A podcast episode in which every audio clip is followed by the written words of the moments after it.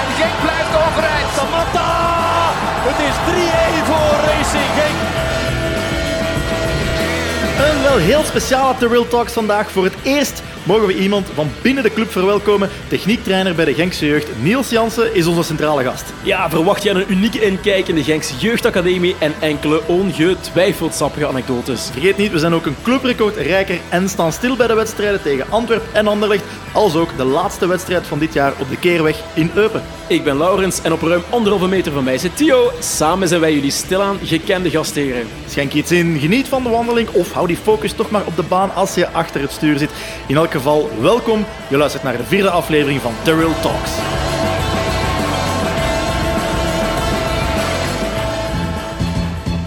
Amai, precies het introdeuntje van Stadion met Dirk Abrahams in 98. En ik ben Wilfried Mostings, uw commentator van dienst. Fantastisch. Het doet er nu niet meer heel veel toe, Lau, maar we gaan het er nog heel kort over hebben. De wedstrijd tegen Antwerp hebben we het record behaald. Zeven matchen op rij in eerste klasse winnen. Een unicum. Ja, dat was een unicum. Hè. Jammer dat we gestrand zijn eh, op 7. We hebben ooit 8 gehaald. Dat was een eh, tweede klasse met Eme Anteunis. Maar uiteraard, ja, dat gaan we natuurlijk niet meetellen. Hè. Het is, een, de, het is de, de hoogste divisie dat telt. Maar eh, ja, we hadden anders nog wel een hele weg af te leggen. Ik heb hier het mooie Wikipedia-lijstje voor me liggen. Het meeste aantal ongeslagen wedstrijden op rij. Eh, ik denk dat Union, eh, onze goede vrienden van Union, het lijstje nog altijd aanvoeren. met Union maar liefst 60. Union 60. 60 ongeslagen wedstrijden op rij. Dus het is al ineens een pak minder erg dat we van Anderlecht verloren Dat is letterlijk en figuurlijk niet meer van deze tijd trouwens. Hè. Dat was ergens in de jaren 50, als ik het me goed Eh, eh, nee, dat is even kijken, 1932 tot 1935 Nog geweest. Wauw. Eh, kort op de voet gevolgd, zou ik zeggen, eh, door Anderlecht met eh, 33 overwinningen op een rij. Dus opnieuw, eh, laat het uw dag niet verpesten dat we van eh Paarswit verloren hebben. Het was moeilijk om eh, het maximum er toch uit te halen.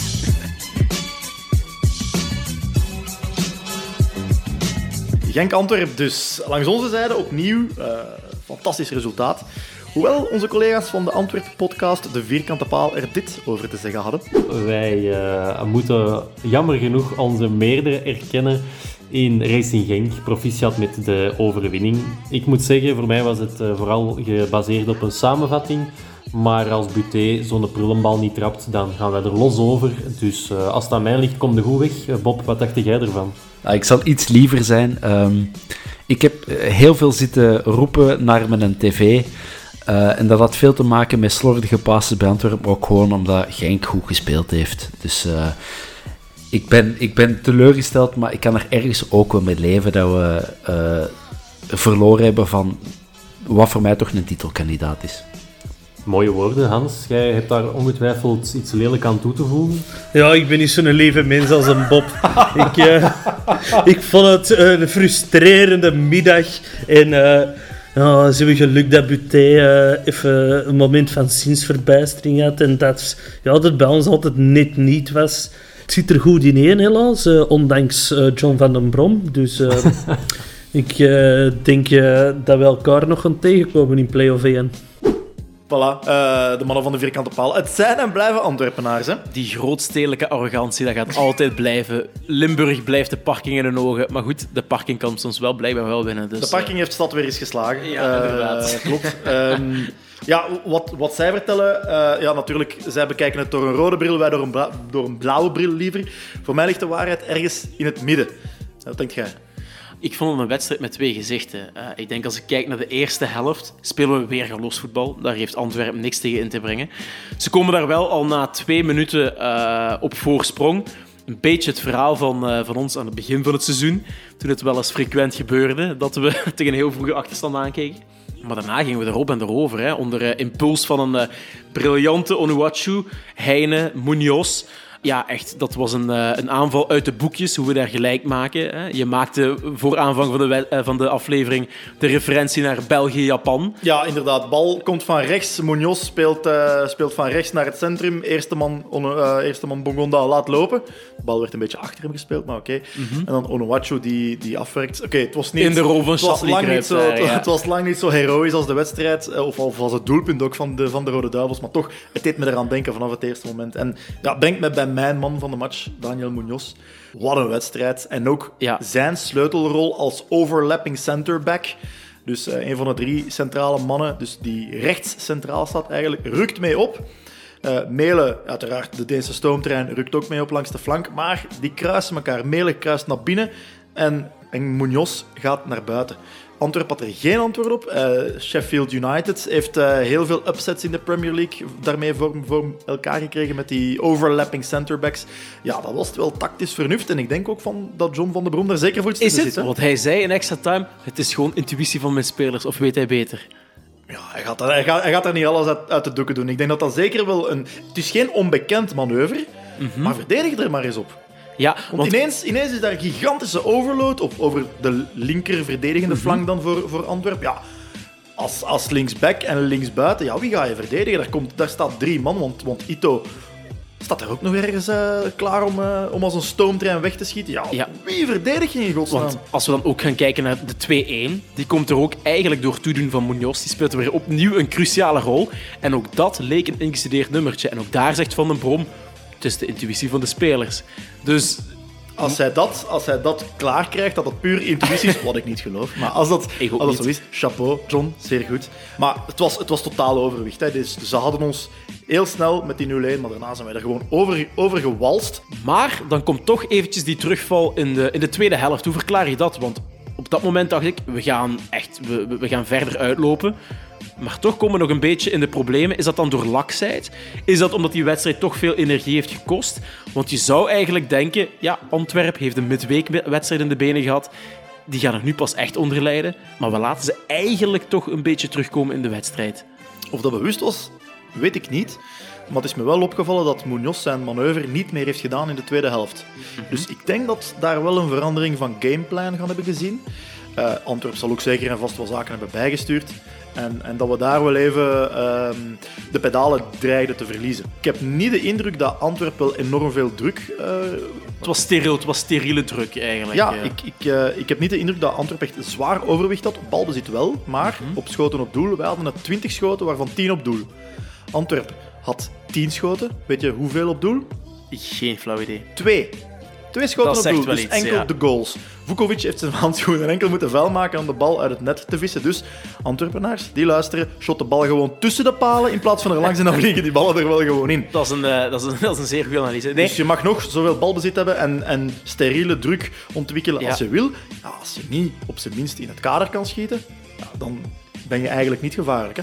En dan volgt ook wel, toch wel, vind ik, een sleutelmoment. Eh, dat was een fase in de wedstrijd dat we de, de match iets, iets vroeger dood hadden kunnen doen. De afgekeurde goal van Bongonda, die daarop ja, op een fenomenale wijze eh, langs de linkerflank oprukt en op zijn Haalands afwerkt. Korte hoek, paal binnen. Prachtig. Om dan toch, ik denk, binnen een tijdsbestek van vijf minuten de tegentreffer te slikken. Dus, dus het kon ineens toch weer alle kanten eh, uit. Ja, na die 3-2 was ook wel... We gaven eh, Jordan Lu- Lukaku een man met een goede voorzet. Gaven ook alle tijd om die voorzet perfect te geven. Lukumi laat zich aftroeven door Mokani. Oké, u laten aftroeven in de lucht door Mokani is geen schande, maar toch, Lukumi moet gewoon beter kunnen. Daarna was het bibberen. Maar opnieuw, we hebben ons niet laten afbluffen. We zijn gewoon ons voetbal blijven spelen. En dan uiteindelijk hebben we de 4-2 gemaakt. En heb ik eigenlijk nog eh, ja, een laatste punt eh, over deze wedstrijd. De wissels. Ik vond dat er toch wel iets over eh, te zeggen viel. Enerzijds was ik blij voor bijvoorbeeld een Limbombe dat hij enkele seconden op het terrein mocht komen. Gewoon dat je het gevoel geeft aan zo'n jongen, je hoort er wel bij. Je staat op de drempel van een, van een kans. Maar ik vond ja, de wissel Onuachu Dessers toch wel rijkelijk laat. We weten dat Onuachu er al na het uur door zat. Ook Kouassien, wissels, is dat dan nog een werkpunt voor John van den Brom? Ja, dat is een goede vraag. Is, een wissel houdt natuurlijk ook altijd een groot risico in. Je moet ten eerste hebben, vertrouwen hebben in je bank. Weten van, oké, de boys die hier op de bank zitten, wat stralen die momenteel uit? Ik denk dat John van den Brom ook een trainer is die echt kijkt naar het non-verbale. maar ook naar de match. Hij zegt van ja, we houden hier maar net stand. Hè. Antwerpen is ineens aan het pushen. Het is 3-2. Haal daar één pion uit en het kan de verkeerde zijn. Dus op dat moment moet je kiezen, gaan we toch resoluut voor die 4-2 te maken op de counter of gaan we ons indekken en ingraven en een even groot of zelfs groter risico lopen op de gelijkmaker. Dus ergens snap ik wel dat hij laat wisselt, maar het, het, is toch wel een wederkerend, ja, een wederkerend feit. dat hij laat wisselt. Oké. En daarmee kunnen we over naar de wedstrijd van vanavond tegen Anderlecht, want daar valt ook wat over na te kaarten met onze gast die erbij is komen zitten.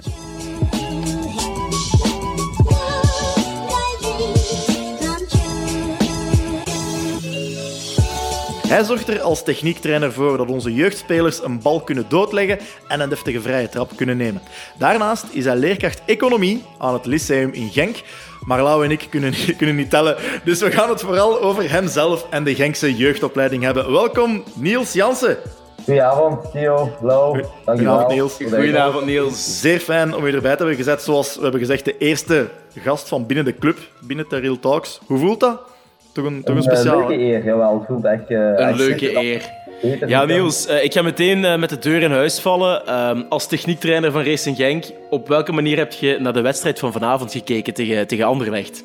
Ja, ik keek er natuurlijk toch wel uit met hoge verwachtingen. Zeker naar, eh, naar de mooie reeks van, van eh, on- ons record, zeven overwinningen op rij. Maar helaas is dat eh, vandaag gestrand eh, met een nederlaag tegen Anderlecht.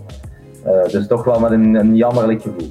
Met een jammerlijk gevoel. En wat vond, je, wat, wat vond je zelf van de wedstrijd eigenlijk? Want we waren uiteindelijk wel vrij goed begonnen, vond ik zelf, in de eerste 20 minuten. Eh, het ging goed op en neer. Maar eh, ja, mijn zinziens eh, viel het helemaal uit elkaar bij Racing Genk. ja, na dat blessureparadijs, om het zo maar even te noemen, aan beide kanten. Ja, ja, sindsdien kregen we eigenlijk niks meer voor elkaar. Hè? Ik denk dat dat prima samengevat is wat je net even vertelt. Eerste beginfase hebben we een aantal leuke kansen gehad, maar eh Anderlecht toch ook wel eh, een aantal goede kansen gecreëerd. Waar we met, met, met wat geluk eh, ja, eigenlijk toch die periode voorbij komen. 0-0, dan jammerlijk die penalty, waar we eigenlijk ja, te wilt ingaan. 1-0 en dan voel je toch dat wij wat inspiratielozer zijn, wat meer balverlies leiden dan de vorige wedstrijden en waardoor dat we ja, niet die gelijkmaker kunnen creëren. Ja, dat is een beetje wat, wat mij zorgen baart momenteel. Dus het is de eerste keer dat we, dat we onder John van den Brom echt in de problemen komen. Oké, away, tweede helft, op het uur, op Anderlecht. Er zijn makkelijkere omstandigheden om zoiets te doen. Het is de eerste keer dat we echt in de problemen komen. Ehm, John van den Brom doet de wissel die we verwachten. Hè. Eh, een verdedigende middenvelder die niet echt in de match zat. Orosowski eruit, voor Dessers een spits. Maar er was geen plan bij. Dus het was gewoon van, we doen de wissel en we zien wel. Ja, dus- ik, dus- miste, ik dus- miste een beetje een plan. Ik, ik, ik, begrijp, ik, inderdaad, ik begrijp de velbezetting, hè, waar je voor opteerde. Maar ik had het gevoel van dat, de, dat, dat de spelers individueel geen bepaalde boodschap hadden meegekregen. Of het kwam er alleszins niet uit. Dus het was een allegaartje van alles. Eh, we liepen maar constant achter de bal aan. En ik, had, ik heb het nog tegen u gezegd, in minuut 75, we scoren vandaag niet meer. En we creëren geen enkele kans meer. Dus dat gevoel had ik wel. En de vraag is dan, ja, is dat dan toch misschien de trainer die daar meer had kunnen doen? Of zijn we dan te streng? Ik denk eh, dat je wel, eh, dat iedereen beseft dat in Anderlecht gaan voetballen, dat dat nooit echt gemakkelijk is. Zeker eh, het, Anderlecht van dit moment, wat absoluut punten nodig heeft en wat zich absoluut wil bewijzen. Wij staan momenteel op de eerste plaats, of stonden op de eerste plaats. Iedereen wil tegen ons winnen. Zeker dan komt die blessure dan ook nog, waar jammerlijk Questa uitvalt. Eh, die penalty wat je tegenkrijgt. Dus eh, ja, het kan niet elke, elke week eh, winnen zijn dat we, dat we acht overwinningen op rij niet gehaald hebben. is jammerlijk, maar die zeven overwinningen denk ik toch dat we... Was die penalty van Munoz een penalty voor jou, Niels? Ik vind dat je de, de penalty zeker kan fluiten als scheidsrechter. Ik heb misschien nog niet uitgebreid gezien de herhalingen. Maar ik vind gewoon dat Munoz daar te onbesuisd ingaat. En in mijn mening eh, moet hij gewoon die spits eh, lekker voor zich houden. En niet eh, echt willen happen op de bal. Hij anticipeert misschien te veel op, op dat eh Mecha langs, langs rechts buiten zou gaan, maar die draait ja, toch nog vinnig naar binnen. En heeft een beetje verf maar- van de schoen van Ja, weggehaald. Maar, maar- ja, dat is genoeg om te fluiten. Ja, maar is dat dan een beetje het nadeel van een speler Munoz? Hè, We hebben het, eh, we hebben het vorige, vorige week al gehad over het feit dat hij altijd het randje opzoekt. Hij kwam vorige week heel goed weg, pakte eigenlijk geen gele kaart. Maar vandaag veroorzaakt hij dan wel de penalty. Is dat dan iets wat, wat intrinsiek verbonden is aan de speler Munoz, of overdrijf ik dan? Ik kijk naar u, Niels, sorry. ik, uh... ja, ik denk zo... dat, uh, dat we Munoz ondertussen kennen als een heel gedreven en een heel verbeterd speler. Uh, maar dat, die, dat dat af en toe wel afgeremd nog moet worden qua, qua onbesuist ingaan. Ik herinner me een fase in de eerste helft waar die snel genomen vrij trap wordt genomen, waar hij ook eigenlijk had, waardoor dat die steekbal komt en Netja alleen één op één met de keeper komt. Dat zijn zo fases waar je als, als verdediger toch, uh, toch soms iets, iets anders mee moet omgaan in, in mijn ogen. De tendens van dit gesprek tot nu toe is vrij negatief. Ik wil er niet in overdrijven. Oké, uh, als we over de tweede helft spreken, maken we zeker geen aanspraak op de zegen. Maar het eerste half uur denk ik dat wij, jij en de neutrale toeschouwer uh, wel genoten hebben van het spel dat, dat, dat zowel Genk als Anderlecht op de mat hebben gelegd. Peter van den Bent noemde het een festival aan kansen en dat was het ook wel. We konden echt wel goed mee met, met, een, met, een, met een Anderlecht dat toch wel, verbeter me als ik fout ben, technisch zeer verzorgd voetbal uh, op, de, op de mat brengt. Ze mogen ook niet te negatief zijn, hè jongens? Nee, ik, ik, ik, weet het, maar uiteindelijk mag je, mag je deze wedstrijd ook niet verliezen. Hè. Ik heb het u in de eerste helft ook gezegd, van dit Anderlecht uh, combineert heel goed. Zet steriele druk. En ik vind dat wel een van de eigenschappen van dit Anderlecht. Ze zetten continu steriele druk. Maar ze dwingen niet echt 100% kansen af die ze... Ja, af en toe wel een, uh, wel een leuke doorsteekbal. Maar het zijn nooit echt 100% kansen. Of uh, bijvoorbeeld denk Amuzo, die, die schiet dan onbesuist over. Dus ik vind uiteindelijk dat je deze wedstrijd verliest. Daarmee schiet je je eigen wel toch wel in de voet, vind ik. Dus uh, Anderlecht is niet de ploeg die een killerinstinct in zich heeft. Dus ik, ja, ik, ik, ik vind het een gemiste kans. Zonder de penalty zou het 0-0 zijn gebleven. Altijd. Jij altijd. zei, Lau, jij zei het, we hebben, we hebben de wedstrijd samen bekeken. Ja. Jij zei al tijdens de wedstrijd, tijdens de, vlak na de tweede helft, ja, dit wordt 0-0. Ja, die scoren en ik zei dan, ja, u weet maar nooit, de penalty is opgegeven en ja, dan gebeurt het helaas aan de verkeerde kant. Uh, maar kijk, we hebben nooit, Allee, we gaan con concluderen over deze wedstrijd, we hebben nooit echt aanspraak gemaakt op de zegen. Dus al bij al, ja, we moeten het kind met het badwater niet uh, weggooien. We staan nog altijd eerste. Of we nu één punt voor staan op Club Brugge of twee punten achter staan in december, uh, er is nog niets En ze verloren. spelen nog tegen elkaar, uh, Brugge Klopt. en, en we zijn nog steeds aan een positief verhaal aan het, aan het schrijven uh, met dit Racing Genk. Denk maar ik, ik ben wel benieuwd naar wat ja, woensdag voor ons in petto heeft. Daar gaan we het straks nog over hebben. Ja.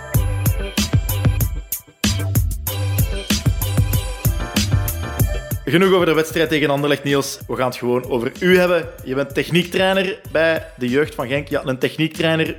Ik kan er mij iets bij voorstellen. Lau kan er zich bij iets bij voorstellen. Ik denk iedereen, maar wat doet een techniektrainer? Wat is jouw rol? Techniektrainer in KRC Genk, ja, dat wil zeggen, ik ben niet echt vastgepind uh, aan één specifiek team binnen de academie. Uh, maar ik heb eigenlijk alle spelers onder mijn hoede, dus van de allerjongste tot en met de belofte afvallers van de eerste ploeg. Uh, dat is het ook en het enorme plezant aan deze functie. ik ben een van de enigen die alle jongens van de academie kent en er ook mee werkt. Uh, dus dat is heel uitdagend, vind ik, om, om met al die jongens te werken en beter te kunnen maken. Begin jij uh, al vanaf de, vanaf de U... Wat is de jongste reeks? U5? De jongste is U7 en ik start eigenlijk met uh, wekelijkse techniektraining vanaf de U8. En hoe ziet voor zo'n een, een, een, superjong, een superjonge jongen een techniektraining eruit? Uh, ja, techniek, dan kennen we allemaal wel de skills en, de tricks, de, de trucjes, de bewegingen. Uh, maar voor mij gaat techniek veel breder dan dat. Voor mij is techniek ook, uh, gaat om aannames, wegdraaien, wendbaarheid, traptechniek, 1 tegen 1 situaties, 2 tegen 1, 1 tegen 2. Dus heel vaak probeer ik mijn techniek te integreren in, in pas- en trapvormen, bepaalde tactische oefenvormen naar de, de oudere leeftijden toe dan. Dus het is niet alleen de, de, de skills, maar het gaat veel breder dan dat. En Niels, wat is zo'n beetje de, de, de algemene marge op zo'n spelers? Want ik probeer me dat zo'n beetje voor te stellen. Uh, dat een speler toekomt bij u en die heeft een heel goede basistechniek, want anders zou je niet bij, bij Racing Genk spelen. Maar hoeveel progressie zit daarin voor zo'n speler? Want ik heb zo zelf het gevoel, ja, als je voor een marathon gaat lopen, je kunt daarvoor trainen op, op longenhoud en, en duurloop en dergelijke. Maar techniek, dat is toch wel deels aangeboren, niet? Um, nee, ik vind dat techniek echt trainbaar is. Heel fel. Uh, ik zeg ook altijd, kinderen zijn sponsen. Dus uh, van het moment dat je die uh, dingen aanleert, en, en mag zelfs bepaalde zaken moeilijk zijn, eh, ja, dan gaan die echt snel oppikken en sommigen die gaan er echt hard mee vlammen uh, met, met die technische vormen en die techniciteit. Dus uh, dat is echt wel heel trainbaar voor mij. Is er een, een lat of een, of, of een lijn die Racing Genk trekt bij het aantrekken van jonge spelers en zegt van als je zo'n soort pas niet kunt aannemen of als je dat soort balbehandeling niet hebt, kun je bij ons niet starten. Is daar ergens een, een, een norm eigenlijk? Een norm in, ja, merci Lau.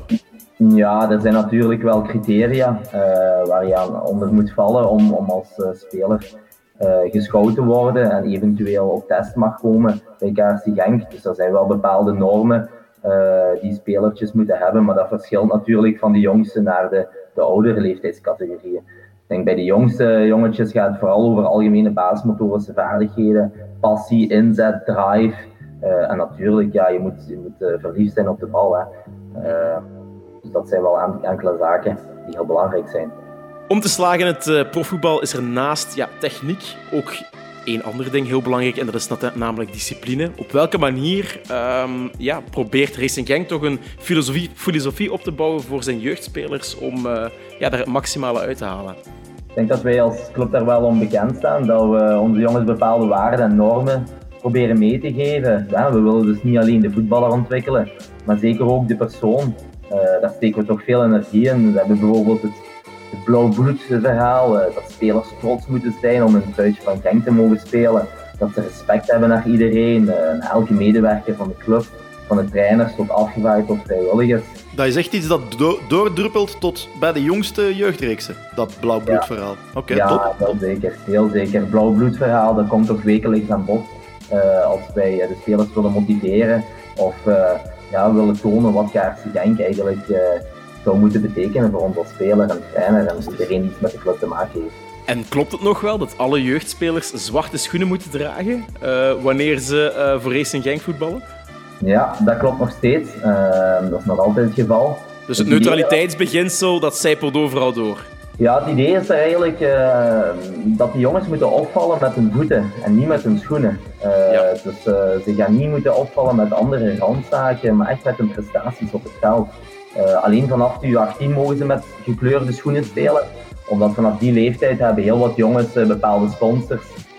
ja, die dus ja. schoenen gesponsord krijgen. En is dat eigenlijk gemakkelijk om zo'n jonge jeugdspelers wat in het gareel te houden? Want ik kan me wel heel goed inbeelden dat ook zij opkijken naar bepaalde profs. En al heel snel misschien uh, ja, gaan vliegen eigenlijk, ook mentaal.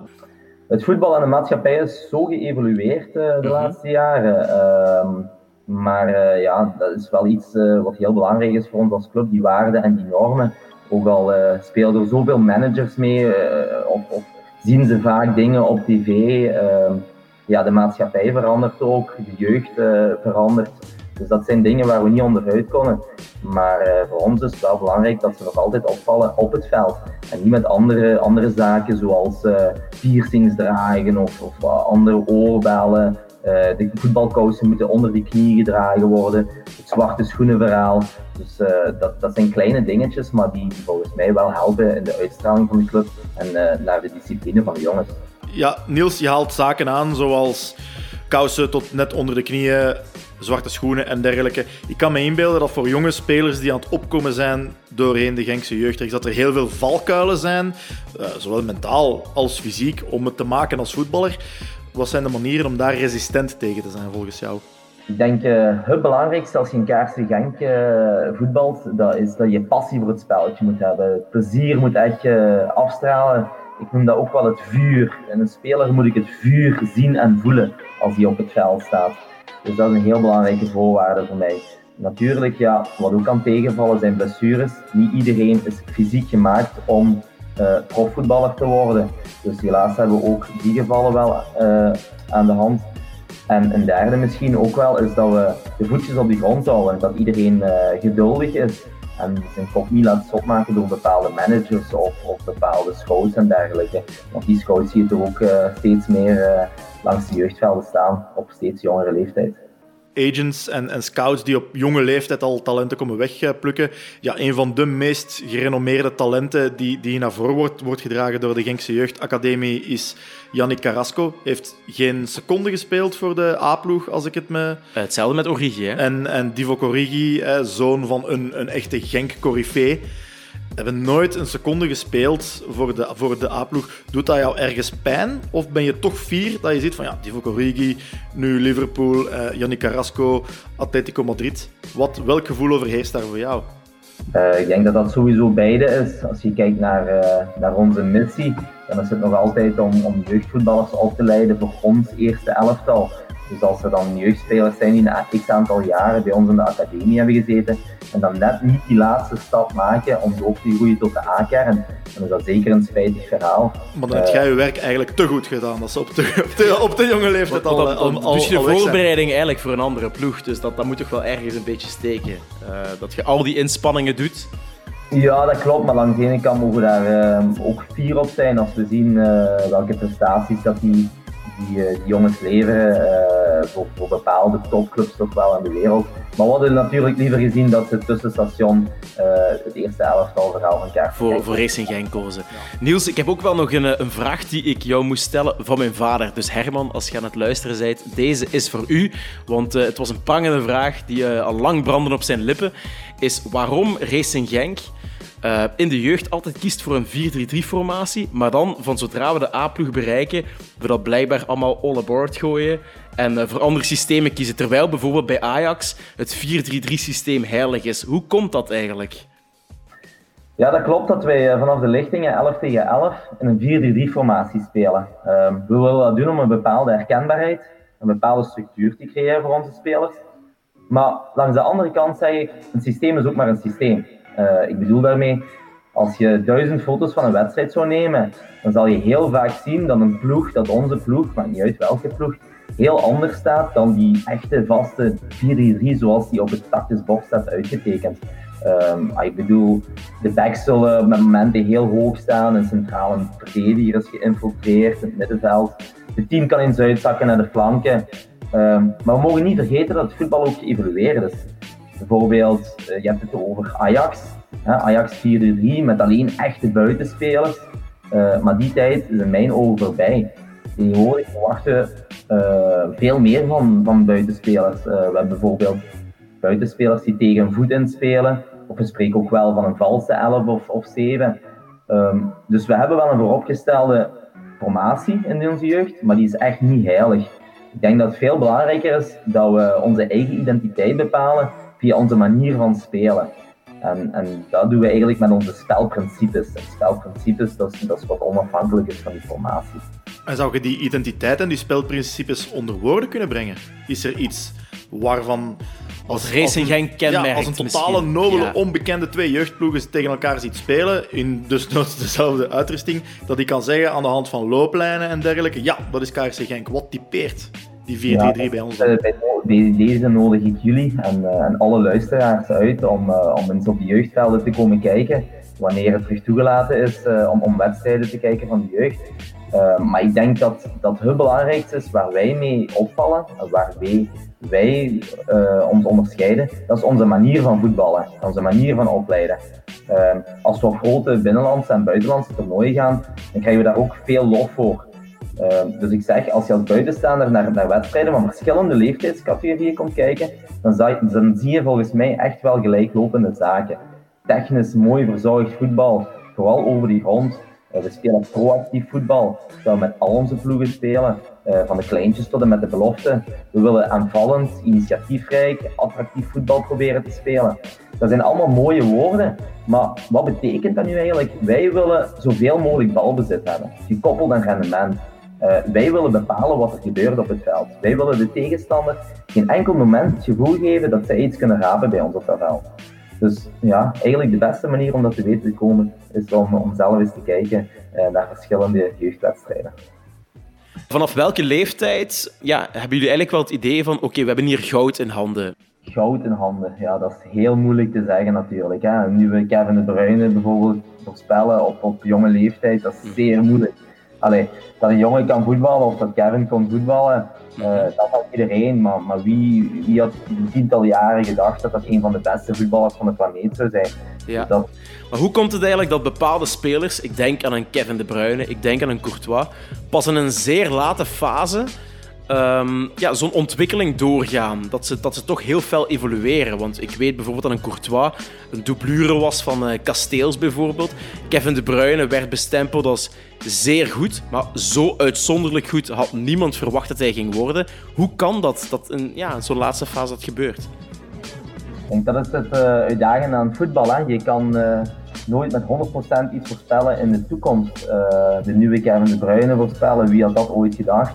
Dus elk individu is verschillend. Elk, elke speler heeft zijn eigen traject en zijn, zijn eigen weg in het voetbal.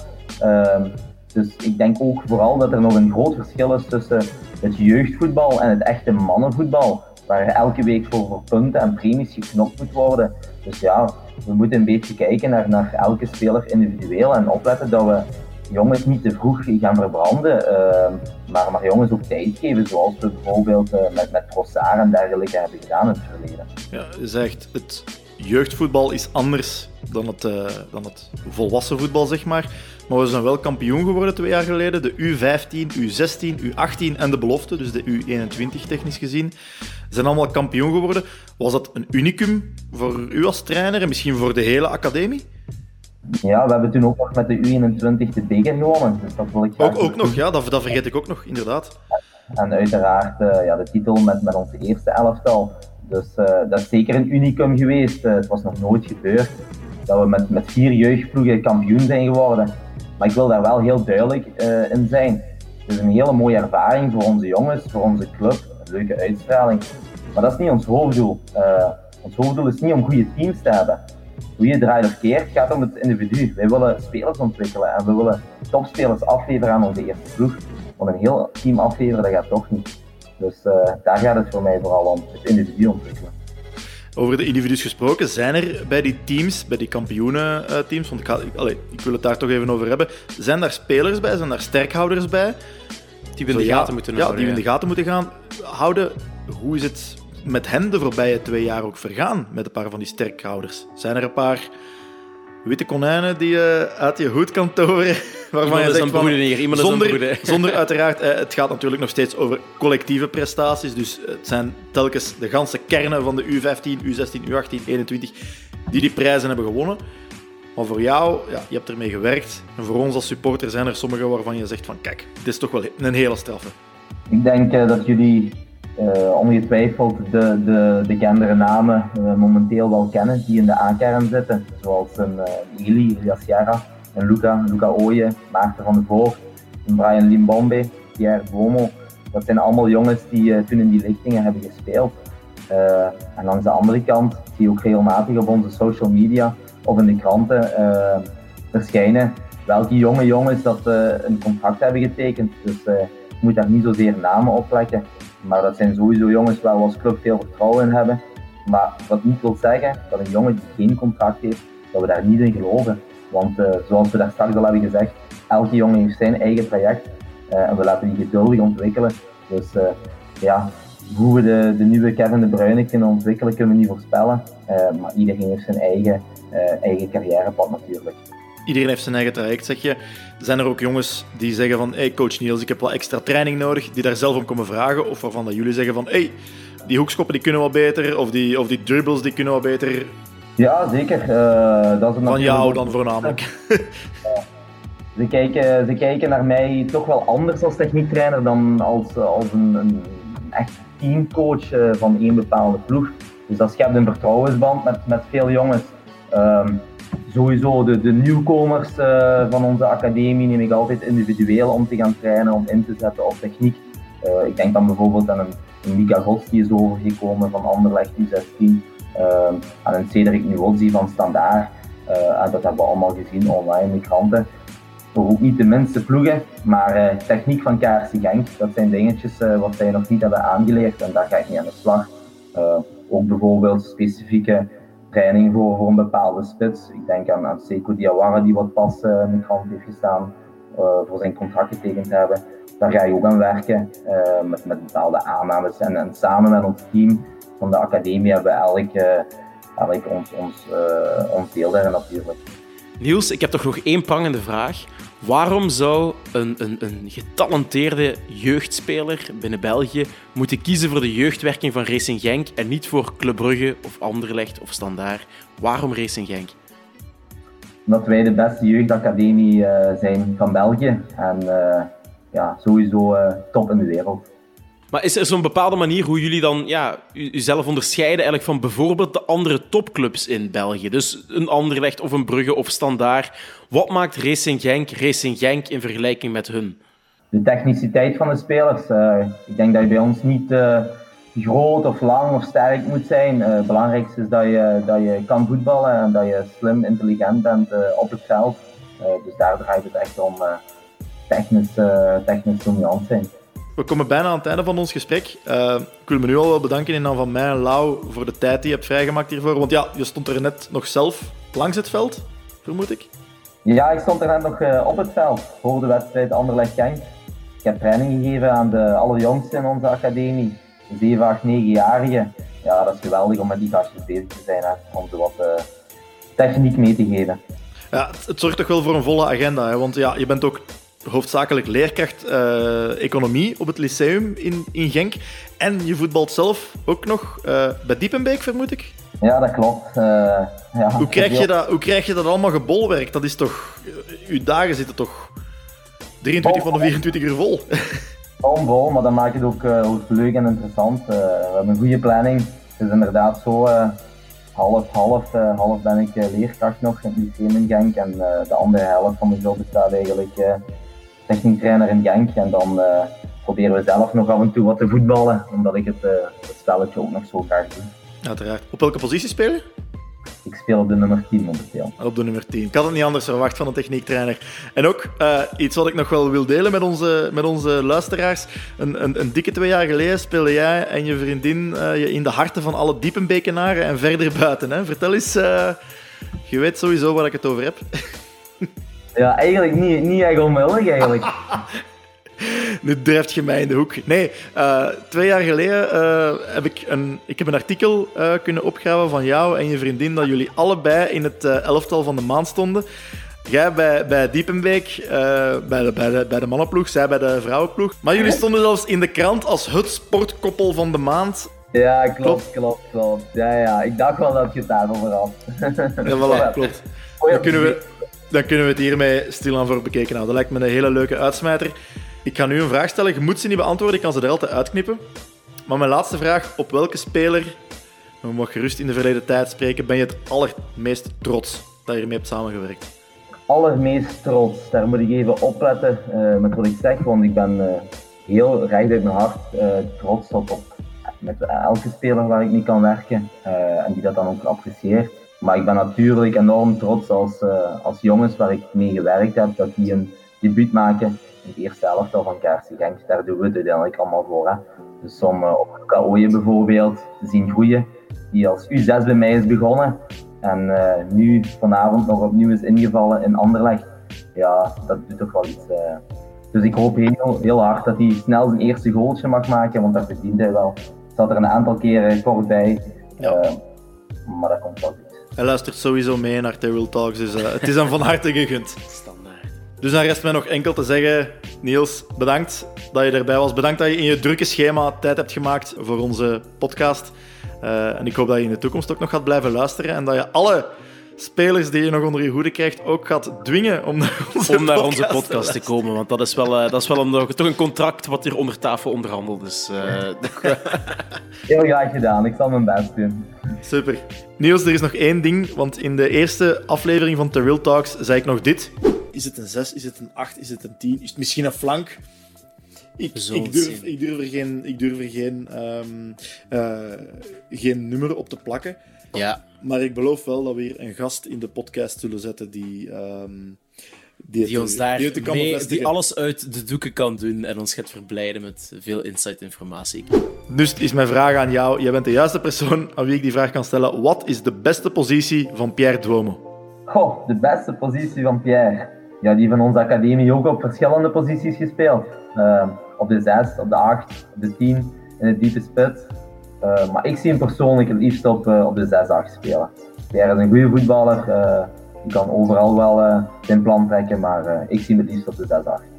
Dat is goed. Dat is alles wat ik moest weten voor mijn voetbalmanager carrière momenteel, want dat is daar een beest. Niels, dikke merci en tot snel. Dag, dag Theo, dag Lau. Yo, checkers. Dat is goed.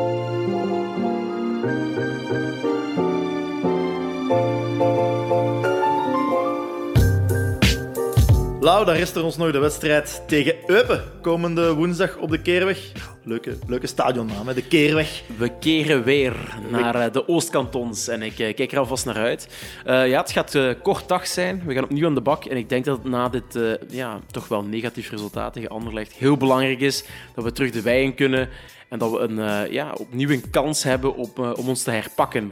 Ja, wat zijn jouw verwachtingen uh, rond deze wedstrijd? Ik verwacht ook dat de jongens zich gaan willen herpakken met een zegen. Uh, het was niet was niet top op Anderlecht, maar het was nu ook niet archi slecht. Hè? Daar moeten we ook eerlijk in zijn. Uh, Eupen, het gaat niet van een leien dakje gaan, kan ik wel zeggen. Uh, ze hebben gewonnen. en ze mochten echt niet onderdoen uh, van Beerschot. Met gedoodverfde gouden schoenwinnaar Rafael Holzhauser. De man met minder haren dan mezelf. Ja, dat, dat is misschien het enige wat hem voor de wind gaat of niet. Maar we zijn het wel gewend dat de vrienden van de media, waaronder Mark de Grijze, dat hij wel vaker spelers van bepaalde, al dan niet paarswitte ja. clubs... Maar kom, je wijkt af. Ja. Terug naar Eupen. Wijk af, inderdaad. Uh, nee, wat me opviel in de wedstrijd tegen Beerschot was uh, Stef Peters. Dat is wel de draaischijf, hè? Jeugdproduct van Genk heeft ook nog een periode gehad bij Sint-Truiden, uiteraard.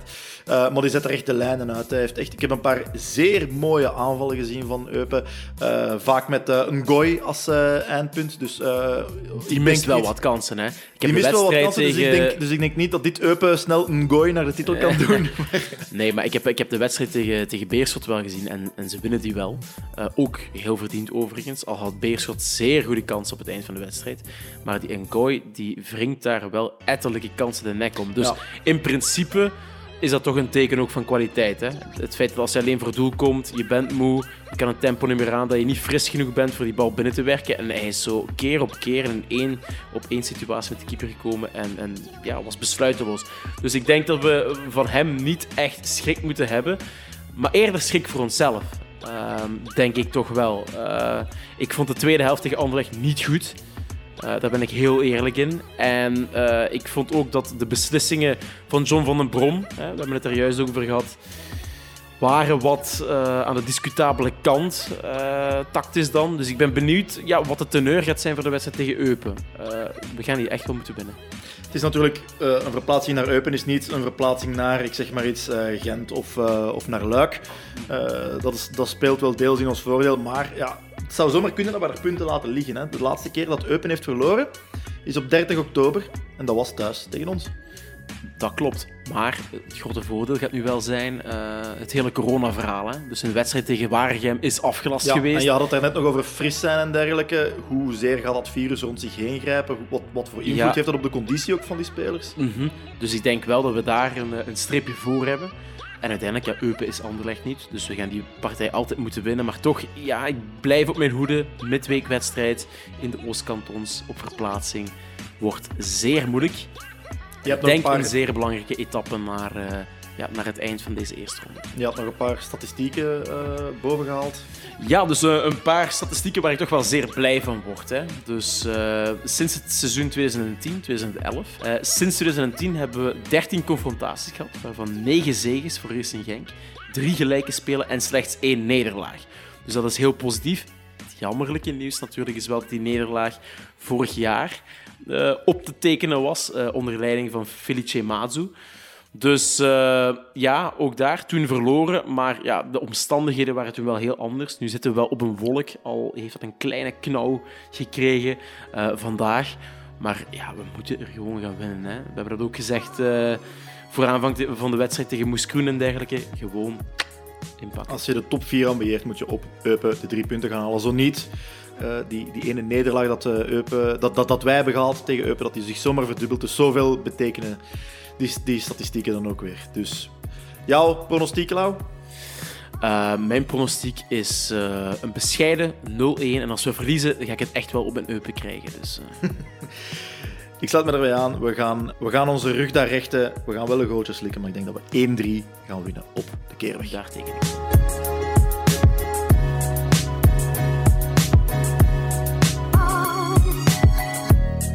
Gaan nu over naar mijn meest favoriete rubriek, want eh, Niels Jansen, de techniektrainer van Racing Genk, heeft ons een plaatje bezorgd.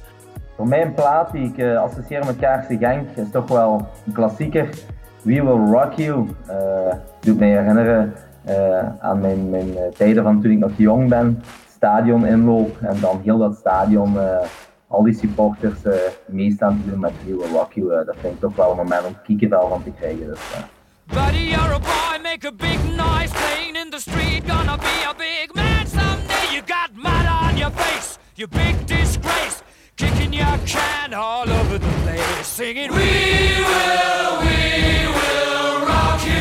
zijn we helemaal rond. In de volgende aflevering blikken Theo en ik terug op de eerste helft van dit toch wel rollercoasterseizoen. We doen ook een gooi naar de HLN Speler van het jaar, of Gouden Schoen, zo u wil, en speculeren over enkele transfergeruchten voor deze winter. En over speculeren gesproken, Lau, we zijn ook volop bezig met onze gastenlijst voor 2021. En we openen volgend jaar ook met een echte klepper.